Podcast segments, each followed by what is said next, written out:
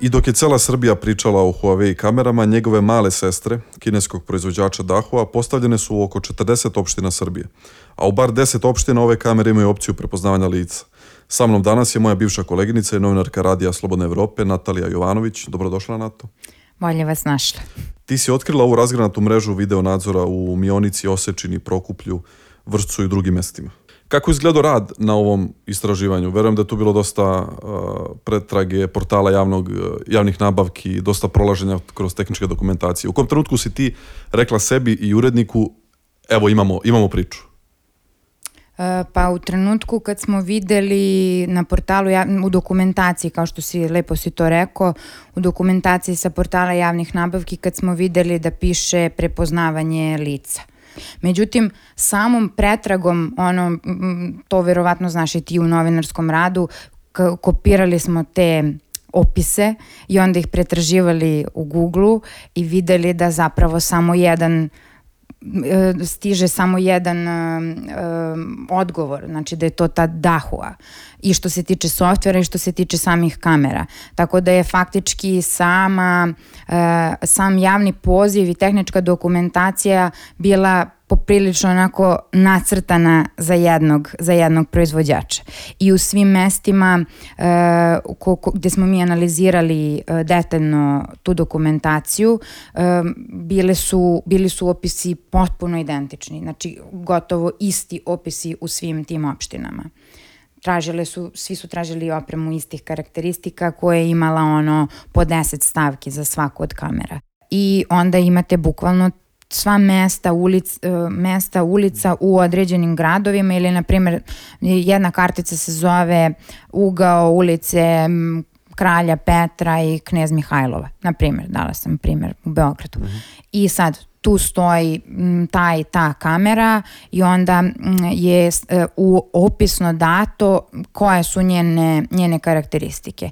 Posebna kartica koja se najčešće zove monitoring zapravo daje karakteristike monitoring centra koji treba da se formira u MUP-u e, i gde će biti smešten taj taj softver, odnosno um, daju se karakteristike kompjutera um, koji, na koji treba da bude instaliran taj softver, ne znam, raznih tamo uh, monitora koji su njima potrebni za sve to i daje se vrlo precizna, uh, vrlo precizan opis uh, platforme uh, odnosno te serverske platforme na koja treba da e, radi analitiku i čuvanje tih videosnimaka.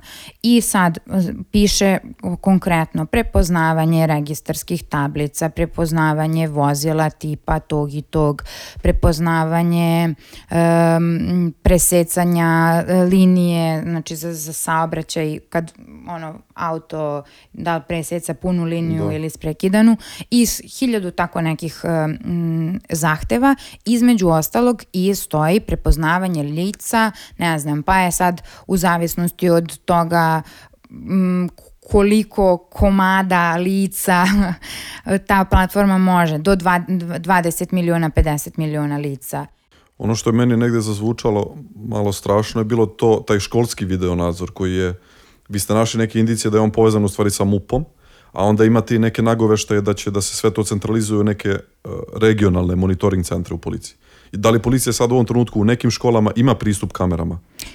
Pa to je ono što na bazi nekih zvaničnih odgovora i činjenica ja ne mogu da kažem u ovom trenutku. Znači, ceo taj deo oko korišćenja tog sistema, ko koristi kad, kako, po kojim potrebama, da se to pali, gasi, znači to zvanično nismo dobili kao, kao potvrdu od MUPA. Mi smo njima tražili intervju baš iz tog razloga da bi nam objasnili jel e, te nabavke traju zadnjih pet godina. Znači, to nije nešto što se dešavalo zadnjih godinu dana nego postoji neko trajanje. Ta oprema sedi u nekim policijskim uh, um, stanicama, policijskim upravama širom Srbije. Da li je to korišćeno, kad, kako, ništa se o tome, ništa se o tome ne zna. što se tiče što se tiče tih regionalnih centara, to su zapravo sve citati iz konkursne dokumentacije. To su opisi koje su same opštine kao naručioci koristili u, u, u konkursnoj dokumentaciji. E sad, e, ono što je tu dalje začkoljica e, jeste da su zapravo opštinske i gradske uprave raspisivale javne nabavke i obezbeđivale sredstva iz svog budžeta, a da su zatim tu opremu ustupale e, nekakvim ugovorima o poslovno-tehničkoj saradnji policijskim stanicama, to jest MUP-u. I to je isto jedan od zanimljiv, jedan zanimljiv detalj i zanimljiv ugao zašto se išlo na tu varijantu, zašto MUP kao neko u čijoj nadležnosti da vrši nadzor u, u svim vidovima, e, nije sprovodio te nabavke, nego se išlo preko, preko opština. Znači ima mnogo otvorenih pitanja e, gde mi ne znamo detalje i mislim da je to jako važno, zato što ovde u javnosti e, ta debata o upotrebi videonadzora, pa onda tek i videonadzora sa mogućnošću prepoznavanja građana jako dugo traje i e, mislim da zapravo institucije moraju da budu otvorene i da objasne šta je njihova ideja sa svim tim, da bi prosto građani bili upoznati i mirni. E, ja sam malo čačkao ovom uh, softveru Dahua, jer on se zove D DSS Pro. Ono što sam vidio u nekoj najnovije verziji, da on može da se fiksira na nečije lice i da onda prati to lice kroz razne delove grada i onda može da napravi rutu, bukvalno kretanja, ono ne, ne, nečiju. Da. Šta sve, šta sve ovaj analitički softver može, a što se tiče privatnosti običnih građana? Uh, pa ja sad nisam neko ko je specijalis, spe, specijalizovan za, za, šta, za ono performanse softvera, ali ono što smo mi videli uh, ovako iz tehničke dokumentacije, ali sa sajta Dahuinog, uh, jeste da ono ima razne te analitičke funkcije koje se tiču uh, ajde da tako kažem, praćenja i prepoznavanja različitih um, osoba. E sad, što se tiče samog, mislim, mi smo išli tom linijom kao prepoznavanja lica, iako smo, odnosno, išli dalje da istražimo št, sam, same funkcionalnosti koje se tiču prepoznavanja lica, uh, iako nismo dobili zvanične potvrde da se to koristi. Uh, ali ono, ono što je zanimljivo jeste da je za samo prepoznavanje lica nije sama tehnologija tu toliko krucijalna, već i sam položaj tih kamera kako su one postavljene na ulicama. Znači da li su, to, da li su te kamere postavljene na nekim mestima i pod uglovima da one mogu da snime nečije lice, znači un, da kažem ne na nekim velikim visinama ili e, tako nešto, nego da budu u ravni zapravo ljudske glave. Pa jesu pa na nekim mestima jesu, na nekim mestima nisu.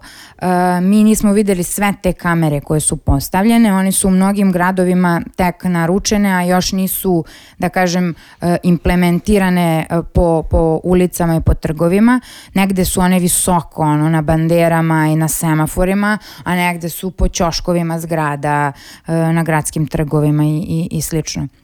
Tako da to, to su opet neki detalji koji mogu da budu indikativni, znači sam položaj te kamere u gradu, e, e, na, na, na ulici, u, u tom prostoru koji se snima, jeste indikativan da li ona ima funkciju prepoznavanja lica ili ne.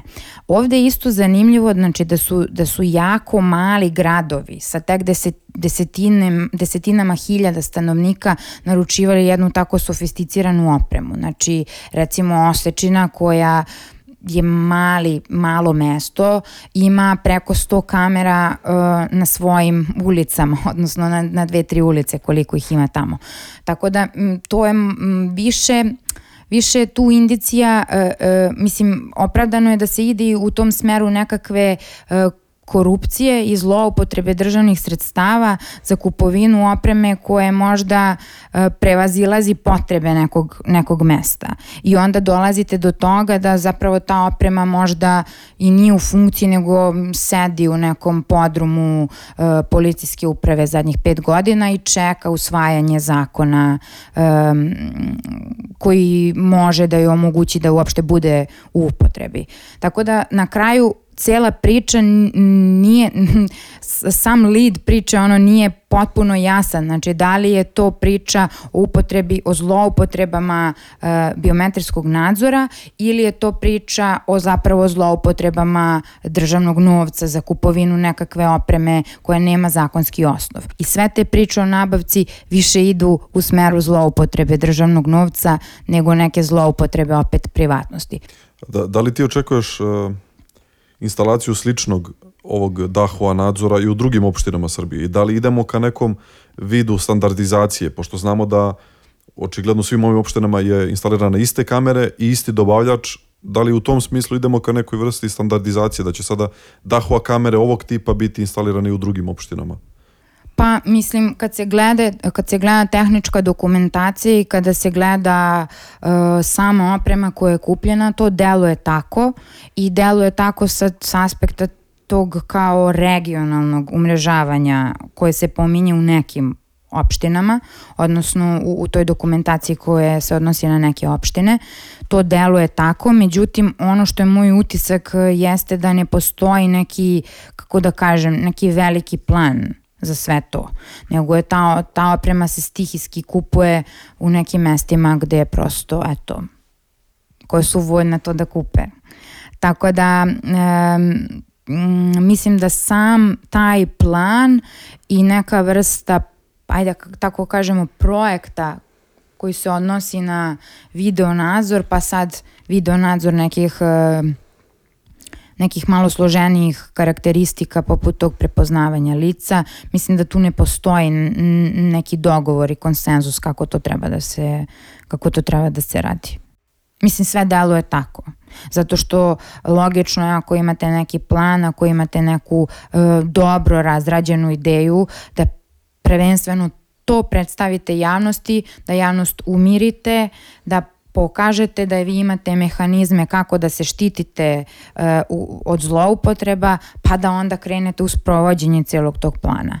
A mi vidimo da se dešava upravo, upravo suprotno, znači da se kupuje jako skupa oprema, uh, većina te opreme je netransparentna, znači ugovor sa Huawei-em za grad Beograd nije nikad javno objavljen i mi dalje ne znamo koliko je sve to plaćeno, iako je to uh, dogovoreno tamo od još 2000, čini mi se, 17. 18. godine.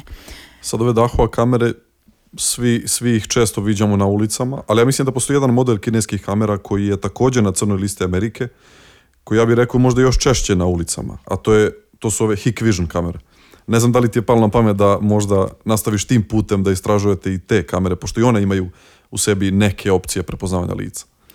Pa dobro, svakako da.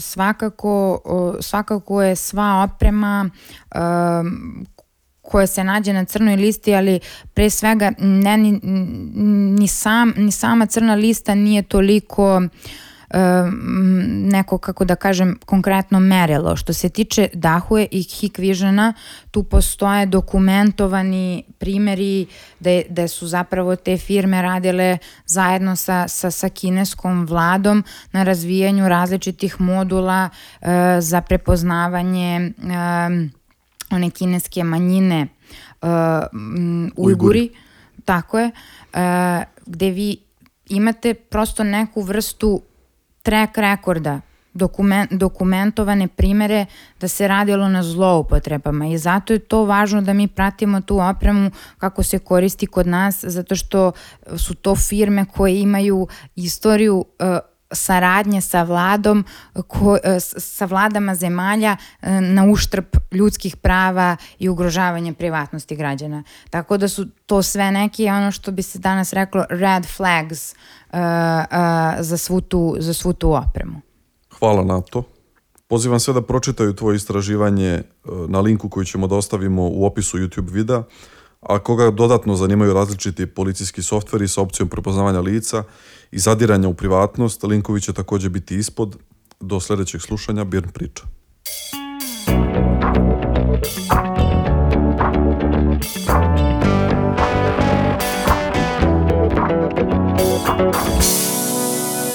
Thank